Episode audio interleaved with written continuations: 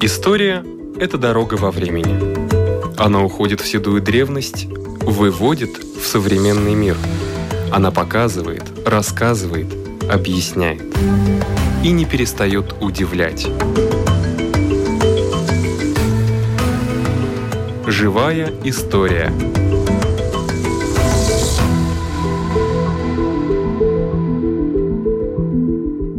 У микрофона Лидия Чера.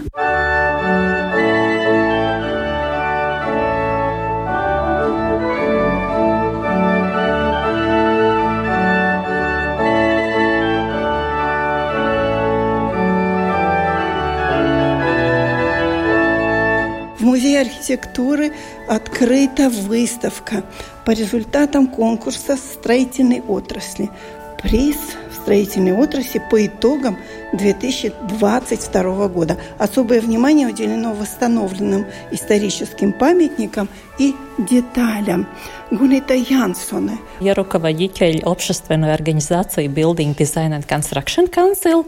Это выставка обобщение тех работ, которые мы выставили три года назад – Многие из них получили награды в призы года строительства разных последних лет, некоторые международные призы. Ну, что я хочу сказать, что эта выставка нам раскрывает те здания, которые возобновлены или реставрированы. По ним можно раскрыть тайны истории. Например, как в Лепае отель госпожи Хойер – Здесь 330 лет назад жил целую неделю Петр I. Местные историки говорят, что нашли в доме рядом скорлупи устриц, значит, это Петр Первый к девушкам ходил. А, да, и, это всегда э... очень интересно. А скажите, там, по-моему, сейчас какое-то кафе находится, нет? Теперь там находится музей, в котором музей, там да. работники в старинных костюмах, какие тогда mm-hmm. были. Там можно почувствовать именно дух истории. Мне кажется, я там останавливалась. Знакомое здание так выглядит. Отлично. Еще очень советую Баусскую башню замка посетить. Там интересное приключение, поднимаясь вверх э, до вершины башни. И там, Уже можно, да? Да, да, да, да, да. Там открыто с 2021 года. И здесь тоже разные свидетельства, как тогда люди жили, например, как туалет выглядел в то время на высоте. И именно с архитектурной стороны тоже очень красиво теперь. Да, но вот всегда интересно, все исторические объекты, когда подвергаются реставрации или ремонта, иногда этот ремонт, к сожалению, не восстанавливает то первобытное здание, а он становится таким современным, а не старинный. Вот Бауский замок, да, он как там, восстанавливается? Там высокого уровня реставраторы работали, mm-hmm. там всегда консультирует чешский архитектор Милослав Ханзла и наши высокого уровня специалисты. Но теперь там башня сделана для безопасности, перилы mm-hmm. сделаны, чтобы можно было безопасно подниматься. Еще очень хочу видеть город Алуксне. Алуксне маленький город, больше 200 километров от ну, Риги. Прекрасный Но они как какое украшение маленькое. Каждый год что-то возобновляют новое, новое. Да, и благодаря тому, что они от острова Пилс когда-то сделали еще новый мостик музыкальный, они возобновили разные скульптуры в парках. А это беседка? Или да, да, да, да, да, да, да. И там можно многое узнать, так как в Алуксне много исторических объектов. И могу хвалить э, самоуправление местное, что они постепенно, у них нет грандиозных объектов, но благодаря тому, что они постепенно возобновляют, э, город становится очень привлекательным для туризма, и значит экономически люди местные могут жить лучше, там и гостиницы гостиниц теперь хорошего уровня, как Бахнхоф хотел. То есть город развивается, и кафе приличного уровня целые выходные там точно есть что делать. Ага, Луксна была знаменита только тремя дубами Эрнста Глюка, который перевел Библию на латышский язык. Сейчас есть уже другие объекты. Да, конечно, обязательно советую съездить в Алуксне, в Лепаю, в Даугавпилс, так как и те стройки, которые в наших времен новые, если они имеют какую-то архитектурную ценность или очень важны для города, то они создают эту новую историю новых времен. Например, визитной карточкой теперешнего Даугавпилса стала школа Солнца, фасад очень интересный, тоже выдающиеся архитекторы из Латвии там работали. Так что многое зависит от э, смелости и интереса местных самоуправлений. И теперь я хочу еще немножко остановиться к Даугавпилсу. Там э, мы показываем в одном стенде, как выглядел инженерный арсенал перед реставрацией. Наши фотографы умели красиво снять там, где из старого здания растут деревья, и это здание негодно для использования. Ну, за это время, пока три года назад, когда еще ничего не было, там произошла капитальная реставрация высшего уровня, и теперь инженерный арсенал открыт для посетителей. Там находятся машины разные советских времен, Волги, Запорожец и мопеды, ну, те, которые новое поколение уже не знакомо с ними, фотоаппараты разных времен. И благодаря этому вложенному инженерному арсенале, который недалеко от Ротко центра, тоже город развивается, появились гостиницы, кафе больше, приезжают туристы.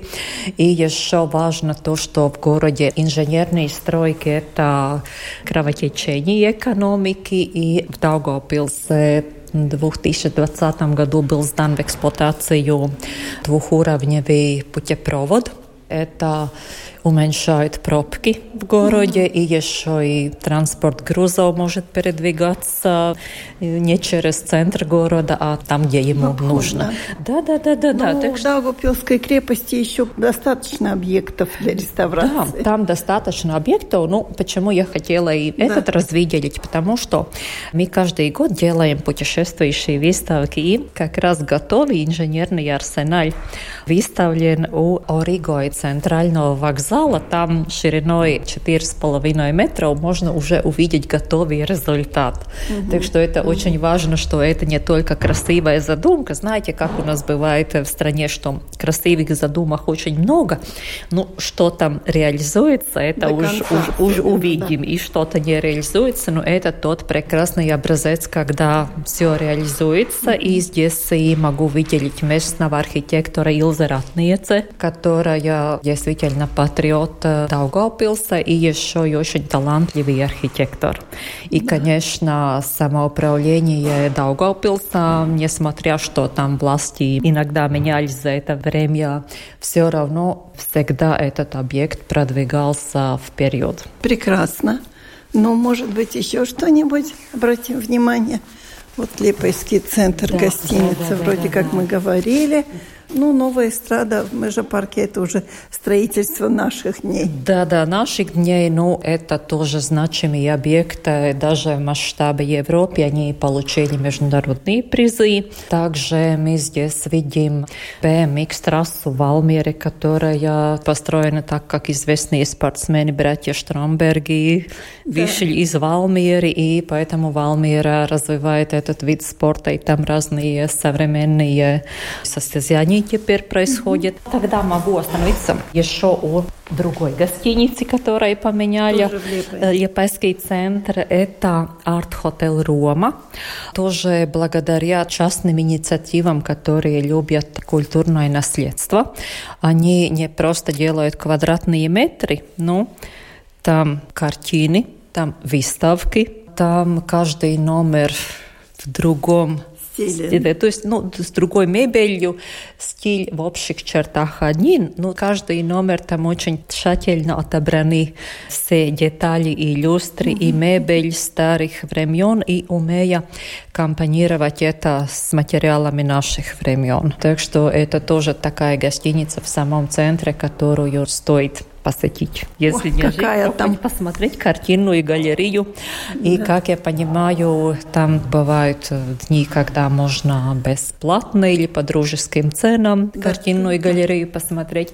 Ну, во всяком случае, с этой выставкой хочу сказать, что в Латвии есть многое, что видеть, и это своего рода такой путеводитель э, архитектурного туризма, что вроде мы иногда спешим по своим делам или смотрим в интернете, а не видим что-то очень интересное, что, скажем, здесь есть и стоит посмотреть. Ну, здесь на одну люстру есть смысл посмотреть. Ну, конечно, конечно. Это уже конечно. произведение искусства. Да, да, и да, вроде да, как да. античное прям. Да, очень важно, что встретились заинтересованные заказчики, мастера с энтузиазмом, и местные власти тоже не препятствовали, а как раз развивали такие инициативы.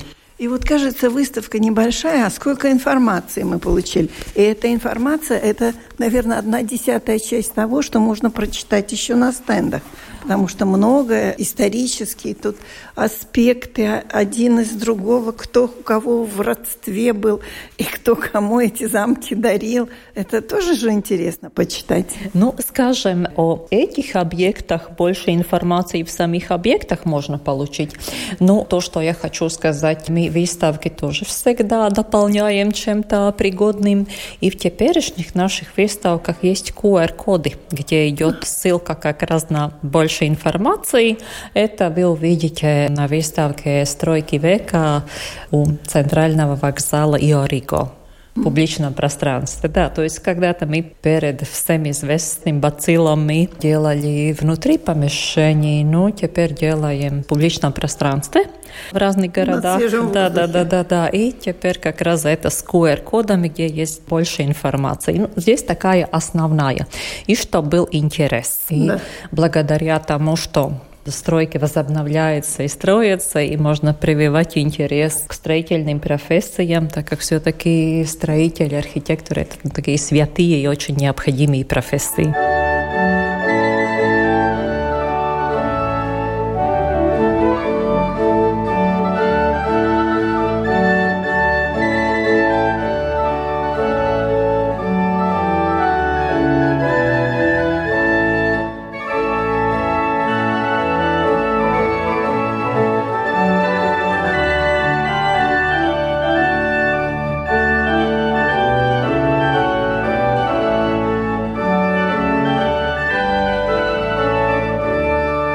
Возьмем как пример восстановления объект Лепойский кафедральный собор Святой Троицы.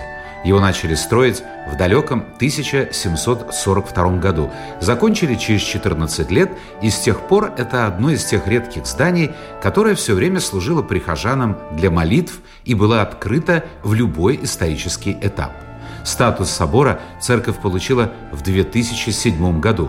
Здесь находится кресло Ханса Мартиня Йенсена – в 2006 году проведена оценка состояния здания и выстроилась концепция его восстановления.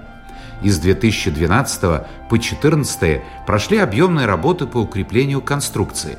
По периметру основания внедрили 460 инъекционных опор для безопасности дома и сохранения стройности здания. 2018 по 2020 годы ознаменовались обновлением башни и фасада, реставрацией деревянных внутренних окон, восстановлением дверей и декоративных известковых элементов.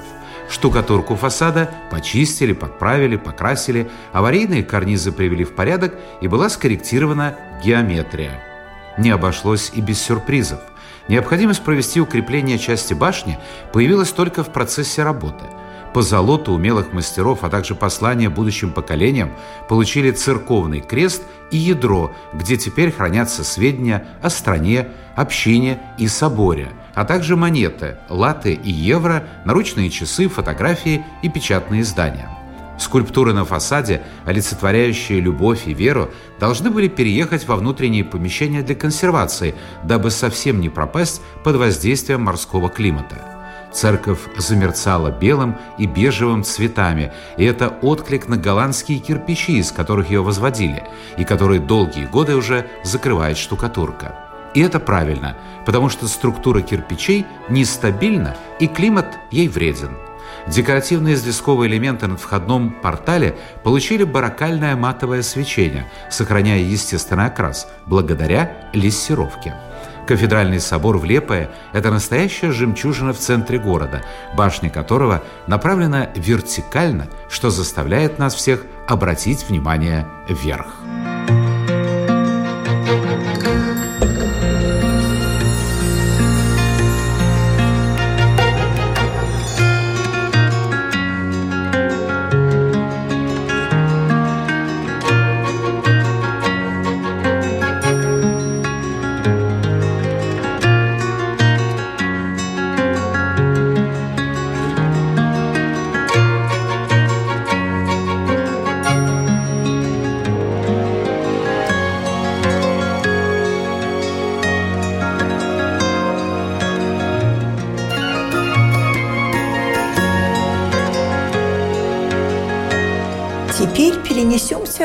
Латвийскую национальную библиотеку.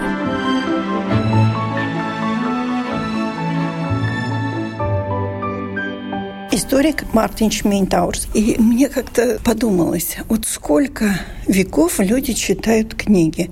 По-моему, всего два века. Это так активно 19 и 20.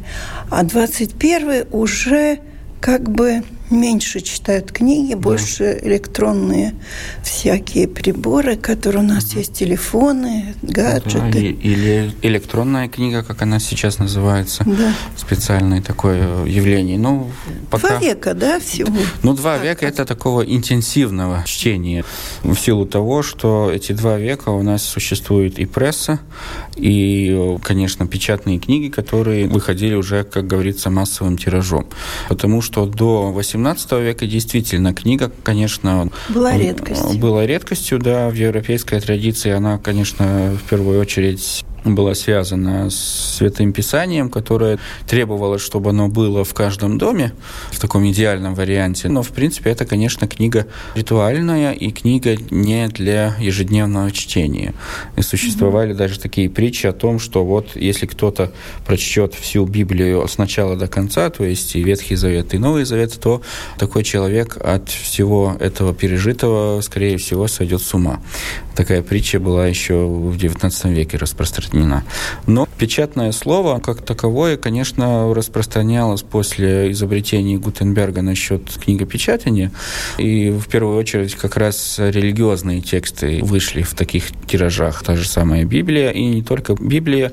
Если говорить там о 16-17 веках, тогда в эпоху так называемых религиозных войн в Европе, которые начались с начала движения реформации в начале 16 века, века. Ну, так эта эпоха религиозных войн, она продолжалась в Западной и в Центральной Европе вплоть до середины 17 века. В эту эпоху религиозных войн очень распространенными стали разного рода листовки, которые печатались как протестантами, так и католиками, и печатное слово приобрело такую форму идеологического оружия.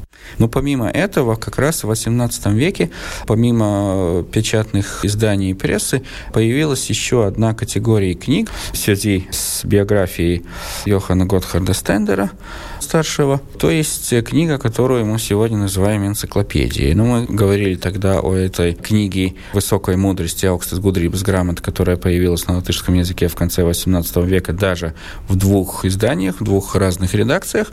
Но это, конечно, самое начало энциклопедического движения. А энциклопедии как таковые тоже появляются с конца XVIII века, но распространяются они уже в XIX веке. С чем это связано? Это связано в основном с тем, что повысился средний уровень образованности и стала необходимая такая информация, которой до того пользовались только ученые или отдельные люди, которые занимались какими-то исследованиями в области разных наук, точных, естественных или гуманитарных и так далее. Но в XIX веке уже появляются так называемые универсальные энциклопедии, как в Европе, так и в России. Но в России это Брокхаус редакции Ефрона, такая универсальная энциклопедия XIX века.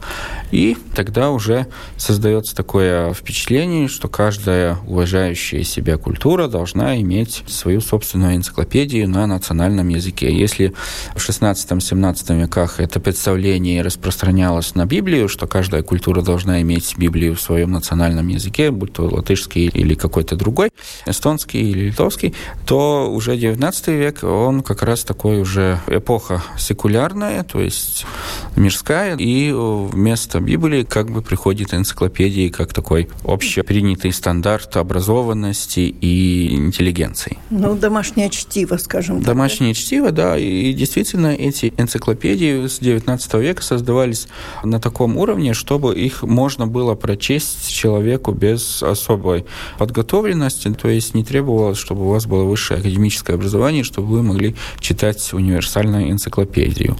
Но в случае Латвии это тоже такое движение, которое у нас появляется в начале XX века, когда Рижское латышское общество создало такую комиссию, при которой разрабатывался проект конверсационного словаря, как тогда называлась энциклопедия, на латышском языке. Мы больше знаем о редакции этого словаря или этой энциклопедии, которая появилась уже при Латвийской Республике 20-е и 30-е годы, но первые образцы энциклопедии, универсальной энциклопедии на латышском языке появились уже во времена Российской империи, то есть в начале 20 века. То есть с 1910 года в трех томах стала выходить энциклопедии на латышском языке в красивом оформлении в стиле арт-нуво, и печаталась она на латышском языке, но используя так называемую старую орфографию, да, то есть готический шрифт. Эта энциклопедия до начала начала Первой мировой войны не было окончено, и это событие наложило такую своеобразную печать на все дело печатания энциклопедии во время 20 века. Потому что за исключением советского периода те проекты энциклопедии, которые были начаты, они не были законченными.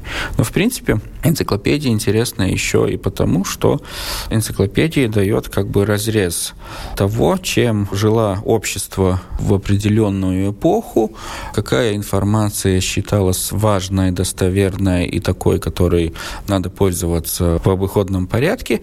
И с этой точки зрения, конечно, интересно читать и энциклопедию, которая как бы уже устарела. То есть информация, которая была актуальна для человека XIX века или начала XX века, она сегодня уже не пригодится, потому что изменилась наука, изменились представления о мироздании, о физике, о химии, о каких-то гуманитарных науках и так далее но они, как бы было не парадоксально, но из старой энциклопедии они не утрачивают свою значимость с точки зрения того, что они показывают, как жило общество в ту самую эпоху. И да, как устроен мир. И как устроен мир, и также политический контекст данной эпохи.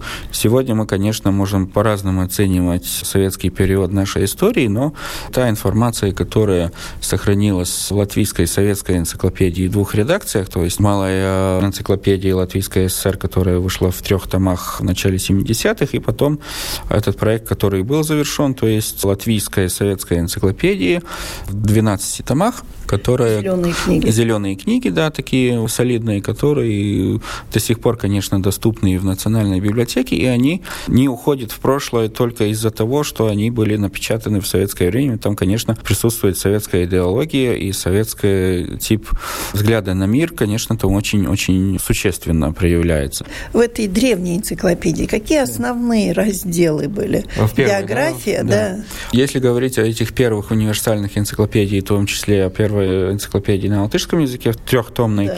то она строилась по принципу действительно универсальной энциклопедии или по принципу Брокхауза немецкого, то есть она должна была содержать информацию как о территории Латвии, как о российском государстве Российской империи, так о всем мире. Потому что если смотреть историческую часть, то там все с древней истории до начала 20 века.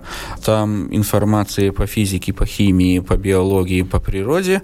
Там очень интересная, ценная информация как раз и про Российскую империю, и про латышские земли, про прибалтийские провинции. На тот момент, чем они жили и как было устроено администрация, управление этих территорий в начале 20 века. Там очень много интересной статистической информации, которая, конечно, в каком-то объеме сохранилась и в архивных источниках того времени, но гораздо проще для читателя современного подойти к полке, взять эту энциклопедию, найти там достоверную информацию про население, про производство, про сельское хозяйство, все, что было актуально на тот данный момент, на 1910-2012 год. Потому что действительно мы, если сейчас возьмем эту книгу, посмотрим, то мы увидим такую картину мира столетней давности. И она довольно интересна, потому что это уже эпоха электричества, эпоха современной индустриализации, железных дорог, химического производства и так далее, и так далее. Не зря даже в советский период сравнивались с 1913 годом, да, да, что да. там было больше того, того и того. Интересно, сколько жителей было в Латвии? Приблизительно это как раз та эпоха перед началом Первой мировой войны, когда наиболее высокое число населения на территории Латвии, то есть 2,5 миллиона. Потом, после Первой мировой войны, конечно, эта цифра упала из-за эвакуации промышленности в 2015 году, вместе с которой уехали с заводами, уехали и рабочие, и поток беженцев в Западной Латвии тоже в 2015 году в российские губернии, и эти, конечно, беженцы не все вернулись потом после войны назад на родину, но 2,5 миллиона или 2 миллиона 600 тысяч приблизительно. Ну, то же самое число населения, которое мы имели в конце 80 80-х годов к исходу советского периода. И потом, ну, сейчас мы тоже как раз испытываем такую волну, которая внесла и в эмиграцию экономическую, другую, и сокращение населения. Так что тоже, если посмотреть по энциклопедиям, то можно увидеть, как эти волны приходят и уходят, и разобраться в том, что же случилось, и получить наиболее точную информацию о том, как изменился состав и численность населения. И также и те энциклопедии, которые печатались после Второй мировой войны в латышской эмиграции. Тоже первая энциклопедия вышла в свет в 50-е годы в Швеции, трехтомная, называлась «Латышская энциклопедия». И потом вторая редакция этой же самой латышской энциклопедии под руководством других уже редакторов вышла в свет в 80-е годы, как раз перед уже восстановлением государства, но еще тогда на Западе. Так что это тоже интересно сравнить. Если в первой этой энциклопедии, которая вышла в свет в эмиграции, там данные о советской Латвии довольно мало, и они какие они могли бы быть в 50-е годы, когда информация была еще недоступна, то во второй редакции этой энциклопедии тут как раз намечается повышенный интерес к современной Латвии тогдашней. Они очень тщательно собирали информацию, которую могли напечатать для западного латышского читателя, который проживал в эмиграции, потому что достать советскую энциклопедию из Советского Союза было довольно сложно. Частным лицам. Они, конечно, попадали и латвийская, и советская, и большая советская энциклопедия, они попадали во все наиболее значимые библиотеки мира, но в частном порядке, наверное, заказать, так как это было доступно советскому гражданину, в частном порядке заказать советскую энциклопедию кому-то, кто проживал вне Советском Союзе, за границей это было сложно. Но мы можем сейчас взять, ну, получить и почитать. Ну да, и сравнить. Угу. Это как раз интересно. Спасибо. У нашего микрофона был историк Мартинч Мейнтаурс. На этом наша передача заканчивается. Всего вам доброго.